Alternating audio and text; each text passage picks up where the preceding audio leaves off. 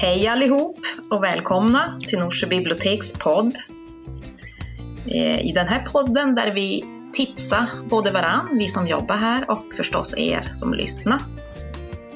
Och eh, ja, jag heter Berit Enqvist. Samuel Lindberg. Och jag heter Cecilia Ström. Och Maria Olsson. Det är trevligt att träffas igen. Ja. Eller träffas och träffas, men vi jobbar ju hemifrån. Precis, det är ju lite speciellt nu i dessa tider. Ja, det är bara du Samuel som är inne på biblioteket idag. Jo, precis. Ja, men det här med att jobba hemifrån ja, har ju varit lite spännande tycker jag. Man har ju som fått eh, tänka om lite grann, både hur man jobbar och eh, jag menar en själv också. Man, man är ju hemma, man är ju bredvid sin tvättmaskin och sin diskmaskin och, och, och rodda i det. att, Nej, men nu jobbar jag faktiskt. Hur, tycker ni andra att det går med det? Ja, men jag har ju, jag får tänka på det nu och stänga av allting. Man har ju mycket som låter så här, här hemma. Så tvättmaskinen är avstängd, värmepumparna. Så vi ska få ett bra ljud idag på podden. Ja, men precis. Ja, jag tänkte tipsa om boken Jag kan ha fel av Björn Natthik och Lindeblad. Eh, Den heter också Jag kan ha fel och andra visdomar från mitt liv som buddhistmunk är ju hela titeln. Eh, Och det är en biografi och jag såg en intervju med den här Björn på Skavlan och jag tyckte det var så gripande. Han berättade om att han hade fått ALS eh, för något år sedan och då blev jag sugen på att läsa den här boken. Eh, och han har inte skrivit den själv utan tillsammans med två personer, två vänner och kollegor. Eh, en som heter Caroline Bankler och Navid Modiri.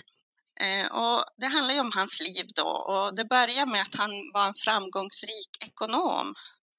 Eh, men han trivdes inte alls i det livet och sadlade om så småningom och hamnade till slut att bli en buddhistisk munk. Eh, och sen var han munk i 17 år. Det var 92 då som han blev munk. Eh, Men nu är han då tillbaka till det vanliga livet eller vad man ska säga. Eh, Och ganska svår ibland tycker jag, ganska tung. Eh, Men det är någon humor i den. Eh, Och det är ju då tankar kring hans liv och det är mycket som fina historier eller små berättelser i boken som han har hört. Och eh, nu arbetar han ju då som föreläsare och eh, efter att han slutade vara munk då, då hamnade han i en depression, en svår depression. Och, men till slut tog han sig ur den och då, då började han arbeta som föreläsare. Och eh, ja, som jag sa från början så har han ju nu ALS och han lever ju med en svår sjukdom. Men jag tycker han verkar hantera det så väldigt bra. Och jag, jag tycker det var en gripande bok och väldigt hoppfull och äkta.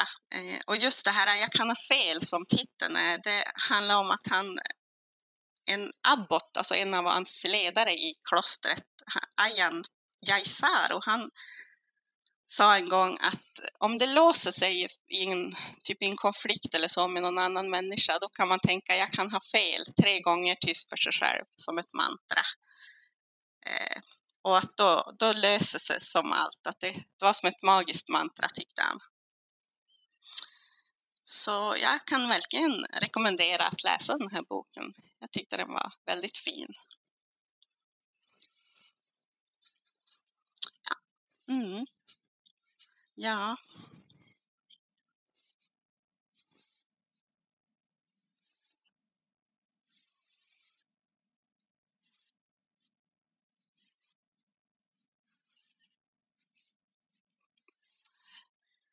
Ja, men jag tror det. Eller han sa, han sa i den här intervjun i Skavlan att han, eller Skavlan tyckte att han verkar ju klara det så bra, men han sa jag har ju mina svåra perioder, men de är kanske inte så långa, att de går över lite fortare. Men det är nog mycket med hans alltså, liv som munk då, att han har tränat sig kanske i det. Men det här när han utvecklade depressionen, var, var det liksom för att han blev ställd in till samhällets struktur som, som, är så stor, som är i så stor kontrast till det här munklivet? Eller får man veta det, vad som hände? Alltså jag är inte helt kanske inte klar över det, men jag tror det var mycket det här, ja men som du säger, att det var som en stor kontrast och så tappade han ju så mycket av sin identitet som han hade haft i 17 år. Det var ju som väldigt så här inrutat hans munkliv och så komma tillbaka till en helt annan verklighet. Och vad skulle han göra och så där. Något, något sånt tror jag det var. Varför ville han eh, sluta vara munk då? Alltså, han hade som inte något jätte, så bra svar på det. Det var mer som att det kom till honom i, jag menar, han mediterade eller något, att han kände att nu var han som klar. Alltså, han sa, jag har som inget intellektuellt svar på det så, utan det var som inifrån det kom att han var klar. Mm. Och nu hade han ju gift så hade en fru och sådär som ett helt annat liv då, men han verkar ju vara väldigt nöjd med sitt liv nu mot Fernando var ekonom och innan Mm. han blev munk. Mm. Vad är det han föreläser om? Är det om sin tid som munk eller sin ALS? Eller?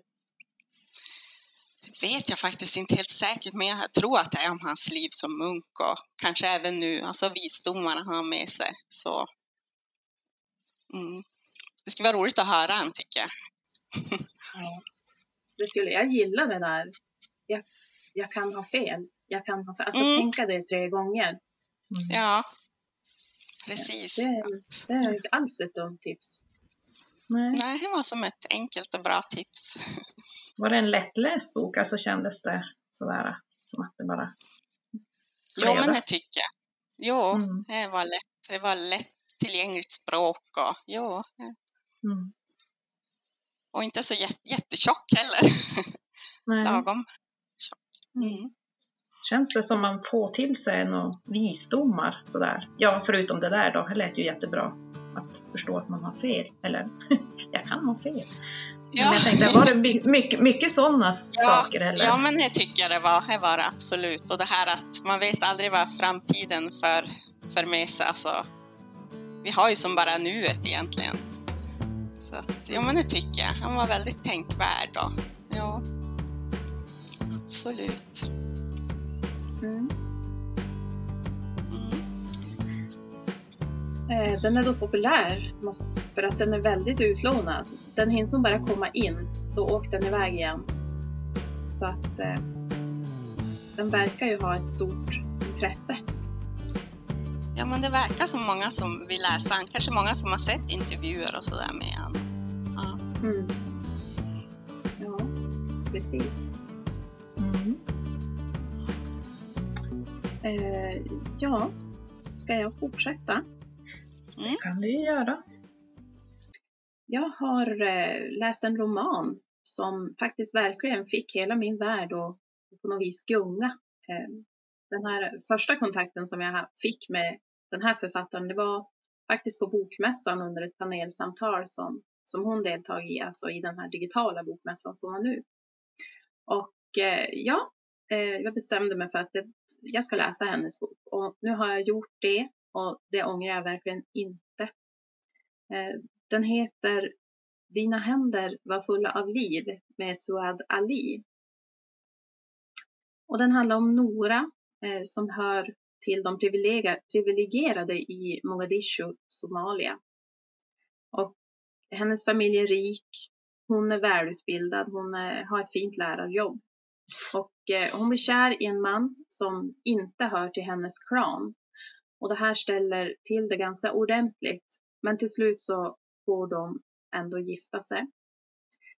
Och Eh, så kommer det ju ett krig som kom ju att leda fram till det här inbördeskriget som vände allt för många i Somalia. Och, eh, makens, eh, han, har, han, har, han är politiskt engagerad och det här leder till att Nora måste fly tillsammans både med honom och deras dotter. Och han dör under flykten. Och Nora och och den här dottern får komma ensamma hit till Sverige. Och hon lär sig svenska väldigt mödosamt. Hon bor i en eh, jättesunkig lägenhet, städar på en skola och det här är ju extremt i kontrast med hennes tidigare liv. Hennes mamma och syster är kvar i Somalia och, och de tror ju att i Sverige så lever Nora ett jättebra liv och hon ska ju skicka hem pengar och sådär till dem. Eh, och vi svenskar som är runt omkring Nora, eh, vi verkar förvänta oss tacksamhet. Och det här är väldigt provocerande för Nora. Eh, för hon känner det som att eh, hon ska visa tacksamhet nästan som ett villkor för att vi ska välkomna henne. Och eh, att hon, hon upplever att vi tycker att hon ska vara medveten om att hon borde känna tacksamhetsskuld. Och eh, ja, alltså den här Suada Li, hon skriver om människor som gör att man får en riktig ögonöppnare egentligen för alla flyktingar. Att de har ju faktiskt en egen historia, var och en av dem, och de har ju flytt sitt land av en orsak som är unik för varje en av dem. Och Nora var ju rik och väldigt välutbildad då, men hon förlorar ju allt. Hon förlorar inte bara sin man, hon förlorar ju sitt hemland eh, och hon förlorar sig själv. Hon förlorar sin identitet när hon kom till Sverige och måste ta ett städjobb. Och dessutom så måste hon visa tacksamhet. Så jag tycker att Nora, hon gör inte bara alla flyktingar synliga på något sätt, utan även hur svenska samhället tror sig veta vem och hur Nora och alla flyktingar ska vara. Förstår ni hur jag menar? Mm. Jo.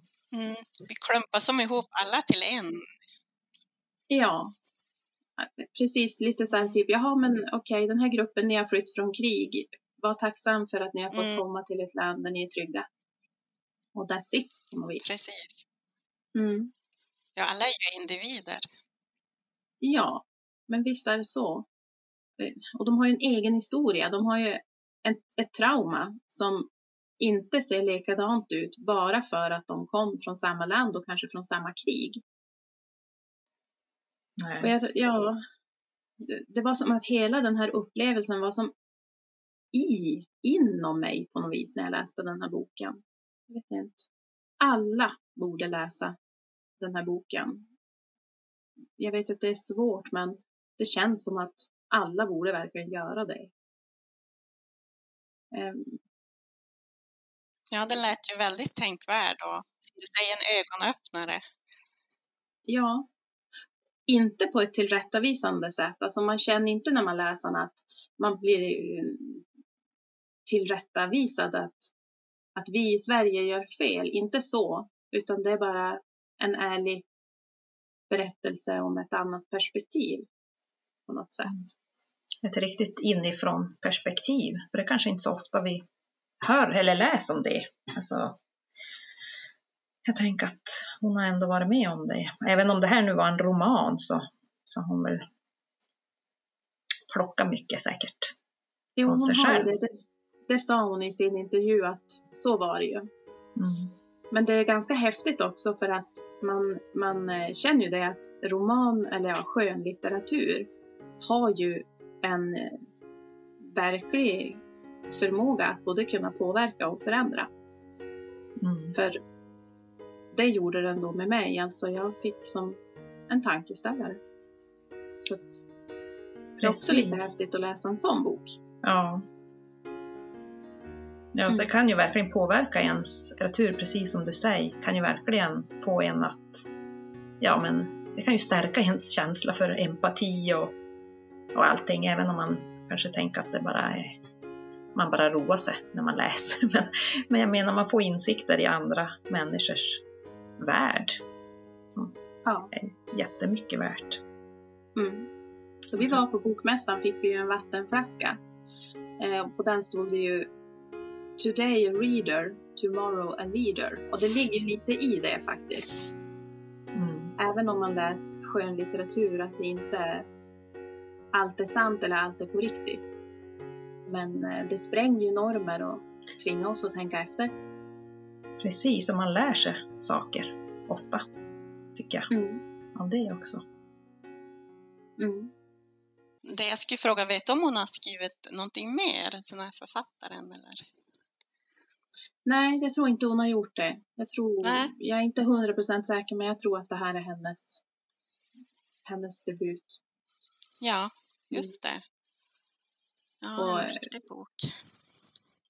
Ja, fantastisk var han. Så att den, den tycker jag att många ska läsa, alla som bara känner att de är redo för det, att uh, ifrågasätta sig, sig själv lite grann ska, ska ge sig på den här.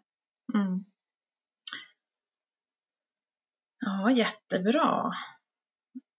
Alltså jag undrar om jag, det här kom lite osökt in på min bok också faktiskt. Om du är klar eller var det något mer? Nej, jag är Nej. färdig. Du är färdig. För jag känner att den bok jag läste är också en sån bok som, det är ju också en roman, men en bok som jag lärde mig väldigt mycket av. Och det är Prevalskis häst av Maja Lunde. Och det är en bok som eh, tar upp ganska stora frågor om ja, både våran människans plats på jorden kan man ju säga egentligen, om klimatförändringar och ja, mycket. Maja Lunde har tidigare skrivit Binas historia som var ganska omtalad. Men den har jag inte läst. Hon har också skrivit en bok som heter Blå. Och tydligen så är det här meningen ska bli någon, inte tre utan fyra. fyra. Och det här är ju då den tredje boken. Men i alla fall i den här boken Prevalskis häst, det hör ju kanske till att jag har gillat hästar i min, eller jag gillar ju hästar än, men jag var en lite hästtjej när jag var yngre. Och eh, Prevalskis häst, Prevalski, det är ju, den hästen är en, det är de sista, sista urhästarna om man så säger, de sista vilda hästarna som finns. Och i den här boken så får vi följa tre huvudkaraktärer kan man säga. Men egentligen huvud, huvudkaraktären är nog egentligen Prevalskis häst, alltså de här urhästarna. Men de tre personer vi får följa det är i tre olika års, ja vad ska jag säga, århundraden. Först så är det zoologen som heter Michael som han lever i slutet av 1800-talet. Och eh, han gör en expedition till Mongoliet för att rädda de här sista vildhästarna. För de håller ju på att utrotas eller ja, försvinna. Och sen får man också följa på 90-talets början, då får vi följa en veterinär som heter Karin som då gör en expedition till Mongoliet för att återföra hästarna. Ja, det är därför att eh, den här zoologen på 1800-talet, Mischa, han tog dem ju till Europa och födde upp dem i djurparker och sådär. Och fick dem ju att föröka sig så att det blev ju ganska många. Men då i, på 90-talet så vill hon då föra dem tillbaks till sitt ursprung och låta dem bli vilda och utvecklas där istället. Och sen så följer vi en tredje person som heter Eva som bor på en gård i Norge och då är året 2064. Och hon har hand om de två sista takierna, eller de heter egentligen Prevalskis häst, själva namnet är takier. Hon har hand om de två sista i världen. Och hon lever ju när människosläktet håller på att gå under. Och eh, ja, alltså, de lever ju, det är ju lite dystopi där kan man ju säga. Alltså de lever ju, eh, människan får som ta till hela sin överlevnadsinstinkt för att överleva, det är som från dag till dag. Hon lever i ett hus med sin dotter och de har några få djur och bland annat de här takierna, men de har ju andra, de har någon gris och någon ko och sådär så att de, de kan få lite mat för dagen. Och, men de flesta andra har ju flytt, alltså de, folk börjar fara på vägarna och liksom försöka hitta mat och vatten och sådär. Ja, Nej, men alltså det här var en väldigt, väldigt intressant bok och ja, även om man inte är intresserad av hästar så det är inte bara om hästar utan det är ganska mycket om människor. Och alla de här tre har ju sin egen berättelse. Och, ja, kanske låter jättetrist men det var till exempel den här zoologen på 1800-talet. Han har ju också en kärlekshistoria med en annan man. Och, och det är ju, ja, hon skriver väldigt bra. Hon skriver så att man, jag verkligen kunde känna det där, oj vad hemskt att på 1800-talet inte kunna visa sin kärlek. Alltså så, hon skriver så att man, ja, man kommer verkligen in i personerna. Så att, ja. Ja, det är så fantastiskt när de gör så, alltså när de lyckas med det. Ja. Det är ju en mäktig känsla. På, på, för då blir det ju sådär att man nästan delar upplevelsen. Ja, precis. Och jag känner också att man, ja, men man lär sig ju jättemycket. Alltså, när, när vi nu pratar om det. Men, eh, för hon har nog också, mm, det är ganska mycket faktabaserat faktiskt om den här hästen just, för det har nog varit så, alltså det har följt lite det här mönstret att han, de tog han från Mongoliet på 1800-talet och födde upp, alltså det stämmer nog lite de här ramberättelserna, men nu har hon ju som gjort egna karaktärer och riktiga, så att det känns väldigt, väldigt levande. Ja, men och jag tycker att sådana där böcker är jätteviktiga för att jag menar, vi har ju ett sätt att leva nu som bevisligen inte fungerar. Vi, vi har ju det här med oljan, att vi, vi jag menar alltså med, med bränslen och sånt här, att vilket behov är det som ska egentligen styra? Ska vi, vi kan ju inte tömma jorden på de här resurserna. Men vi gör det ändå. Och likadant djur. Hur många djur är det som är utrotningshotade, som försvinner? Som behövs i kedjan för mm. att vi ska kunna leva ett gott liv. Mm. Så att det tycker jag är jätteviktiga böcker att ta del av. Precis. Och det blir ju som en tankeställare om man då tänker 2064, när, om man som människa ska leva bara alltså från dag till dag, att det blir ett sånt liv. Att ja, ja som djuren måste göra, skaffa mat och vatten och liksom bara överleva. Hur var det de blev utrotningshotade? Hästarna? Ja, alltså hästarna, varför de blev det från början där, alltså på 1800-talet, det vet jag faktiskt inte riktigt, om jag ska vara ärlig att säga. Jag tror inte att det riktigt kom fram. Om de bara har liksom... Ja, någonting måste ju vara som gjorde det.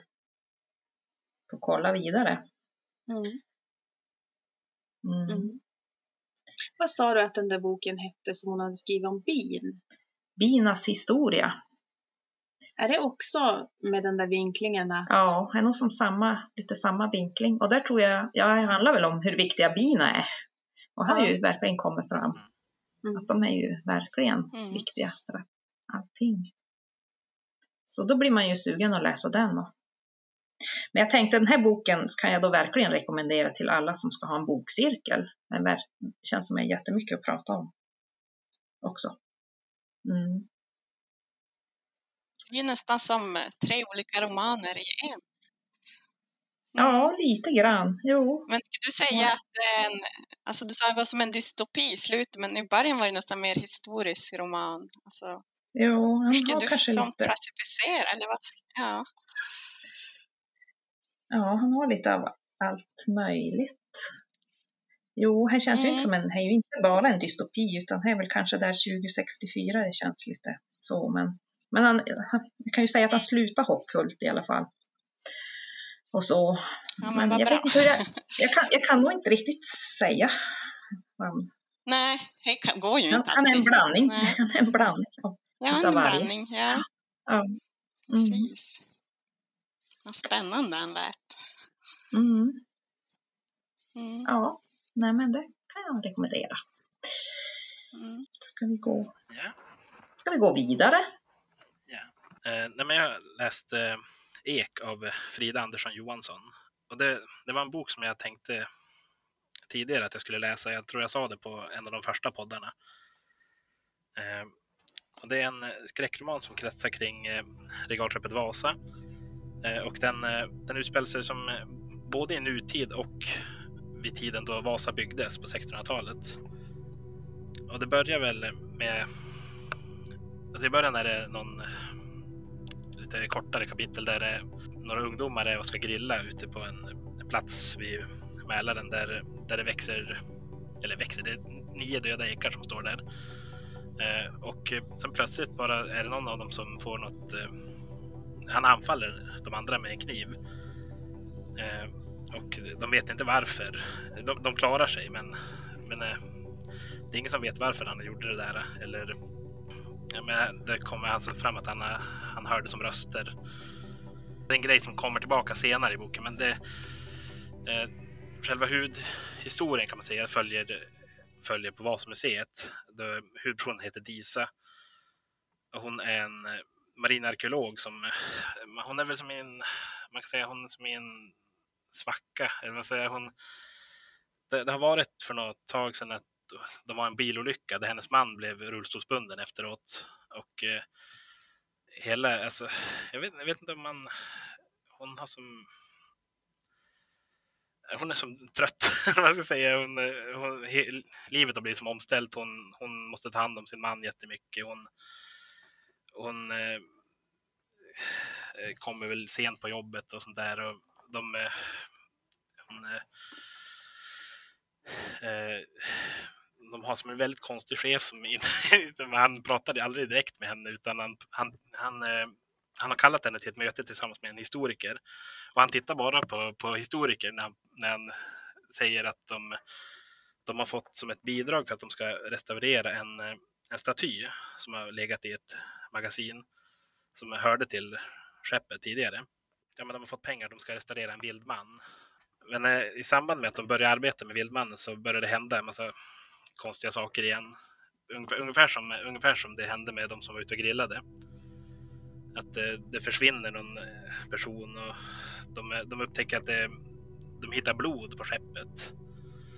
De upptäcker också när de tar så prover på den där statyn att den, det är väldigt mycket järn i den. Det är också så här, som jag sa, får man följa på 1600-talet som tillbakablickar som kommer som mellan de här kapitlen så är det när, när de håller på och hugger ner träd för att bygga skeppet eh, så är det, då är det några timmermän som reser ut till en plats där det, där det växer de där nio ekarna. Det är förmodligen samma plats som ungdomarna var på. Eh, och de blir varnade om att de inte ska ta, ta de där ekarna. Men eh, det, det, gör de i alla fall. Eh, och eh, de drabbas ju också av massa olycksfall på vägen när de ska frakta ekarna. Och den där vildmannen är ju bland annat, bland annat vildmannen är karvad av ekarna och Vasa är ju byggt av ek. Så det är ju någonting i, i de där träden som har följt med skeppet. Det, det är lite med det här, det här med nio är ju ett eh, viktigt tal i fornnordisk mytologi och sånt där. Eh, och hon, eh, hon har som vävt in det mycket i handlingen att det skulle ha varit 333 personer på skeppet och det är 333 nio och, och skeppet har legat 333 år under vattnet innan de bärgade det på 50-talet. det, är, det är lite Dan Brown-aktigt det där tycker jag. Uh, det är en rolig detalj. Uh, uh, jag vet inte om jag ska avslöja så mycket mer, men det... Åh, och så Dan Brown. Ja, han gillar jag. Jag tycker om sånt där. När det är jo, lite sådär. Det ja. Alltså, ja.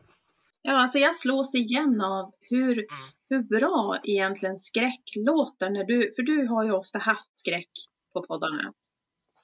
Ja, och varje gång mm. så tänker jag, men åh, den där boken, han, han låter ju hur bra som helst. Varför läser man inte mer skräck? Jag måste ju skärpa jag, mig. Jag såg att den har blivit recenserad på deckarbloggar och sånt där, så den har lite över... Alltså den går utanför gränserna lite grann för skräck tror jag.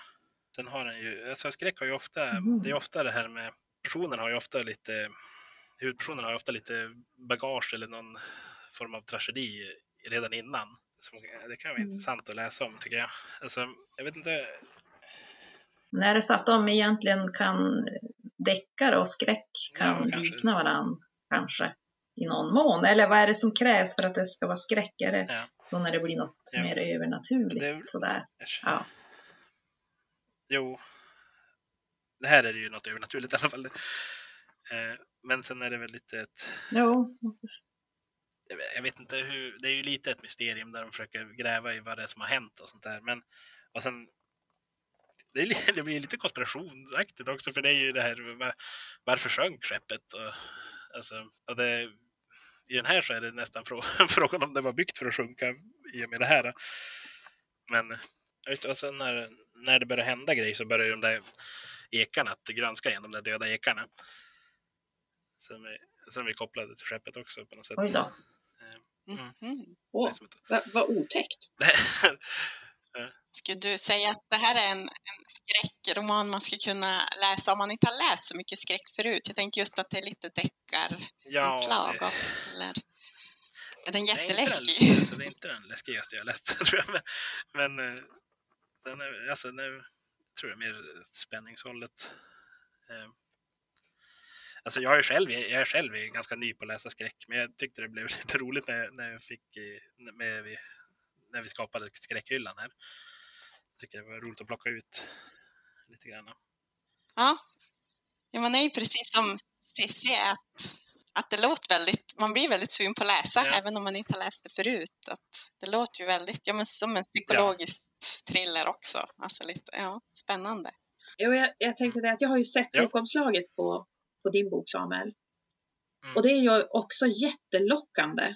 Eh, jag tycker, visst har de ändrat sättet att, att illustrera Jag det tänker jag tyckte de har ofta varit så här svarta och blodmonster som, ja men så, men det där är ju, var ju mer ett bokomslag som jag skulle kunna tänkt var på typ en, Jo, det, alltså det, en thriller det, egentligen. det var som museet och så är det lite mörkt och så är det, ser man väl grenarna ovanför.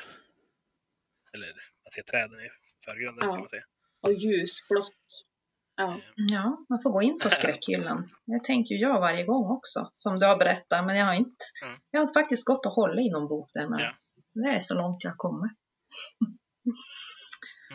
Mm. Jättekul att höra, höra om dem. Jag vet inte, som för mig, jag vet inte om jag bara liksom är, eh, att det är någonting med bara mig, men för, skräck för mig, då, om jag Ja. tänker på skräck, då tänker jag direkt på Stephen Ja. King. Och typ that's it. Eh. Men så är det ju inte. Verkligen inte. Och med det är inte sagt att Stephen King inte är bra, men alltså skräck är lika med Stephen King. Ja. Ja, Han tar ju upp ganska mycket av skräckhyllan. Men... Jo. Jo. jo. Men det finns mycket annat där också tycker jag. Väldigt Ja. mycket. Ja, det tycker jag också. Och jag tycker att det har som blivit... Ja, men alltså jag tycker när man tittar på den där skräckhyllan så tänker man det att, ja men alltså. Det här är ju en helt outforskad värld.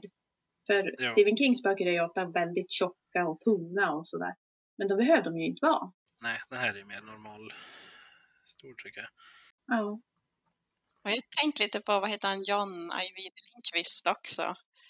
Alltså han skriver ju som, eh, Ja. det är ju som skräck också, men det känns som Jo. att de handlar om så mycket annat. Alltså livet och... Mm, så Mm. att de kan ju vara väldigt bra. Mm. Men hörni, vi får väl, vi får väl kanske ha ett tema. Vi får, eh, vi får ha ett, ett eh, skräcktema på någon podd så att vi inte bara tänker att vi ska läsa ur skräckhyllan utan att vi måste. Precis, vi kanske ska börja med att vi, vi kör en genre åt gången. Då kan man ju bli Mm. tvingad att läsa sånt som, som man inte läst. Ja. Då måste jag gå på feelgood-hyllan plötsligt. Till exempel. Den podden längtar jag till. Kanske ska ta det i, vår någon gång. Ja. Men eh, vi skulle ha tema nästa podd va? Ja, precis. Nästa podd som kommer att spelas in den 9 april, då har vi temat konst. Vi har som tema konst över hela 2021 har vi bestämt Mm. i olika form. Mm. Vi har ju till exempel nu en eh, konstutställning på gång inför eh, kvinnodagen den 8 mars. Så hade vi efterlyst kvinnor som vill eh, visa upp sin konst. Och vi har blivit överösta med, med folk, kvinnor som vill ställa ut. Mm. Så, så pass överösta att nu blir det en rullande konstutställning, eller liksom de får byta av varandra, två och två, som två personer har i tre veckor var och det där rullar fram till midsommar. Så att då är det bara att komma in på biblioteket och spana in. Vi har ju inte så mycket öppet och vi ska ju tänka på att hålla avstånd, men man kan ju, i och med att det är så pass lång tid så förhoppningsvis passar det att man kommer in och tittar då och då. Mm. Och vi har ju, vi har ju eh, in i entrén så har vi ju ställt upp att man, att man bara, så att man kan säkerställa att man bara är åtta stycken samtidigt inne på biblioteket. Ja, precis. Det ska vi ju vara nu. Mm. Vi kan ju hoppas att det lättar innan midsommar i alla fall. Ja men, det får vi hoppas. Ja. Nej, men så nästa podd blir då, kommer ju ut, ja, därefter den 9 april någon gång. Det gör den. Så fram till dess tycker jag att önskar jag alla en trevlig vår och att det blir sol och att vi alla är friska. Det håller jag med om. Ha det bra allihop där ute. Och mina kollegor också. Hej då! Hej då! Hej då med er! Hej då!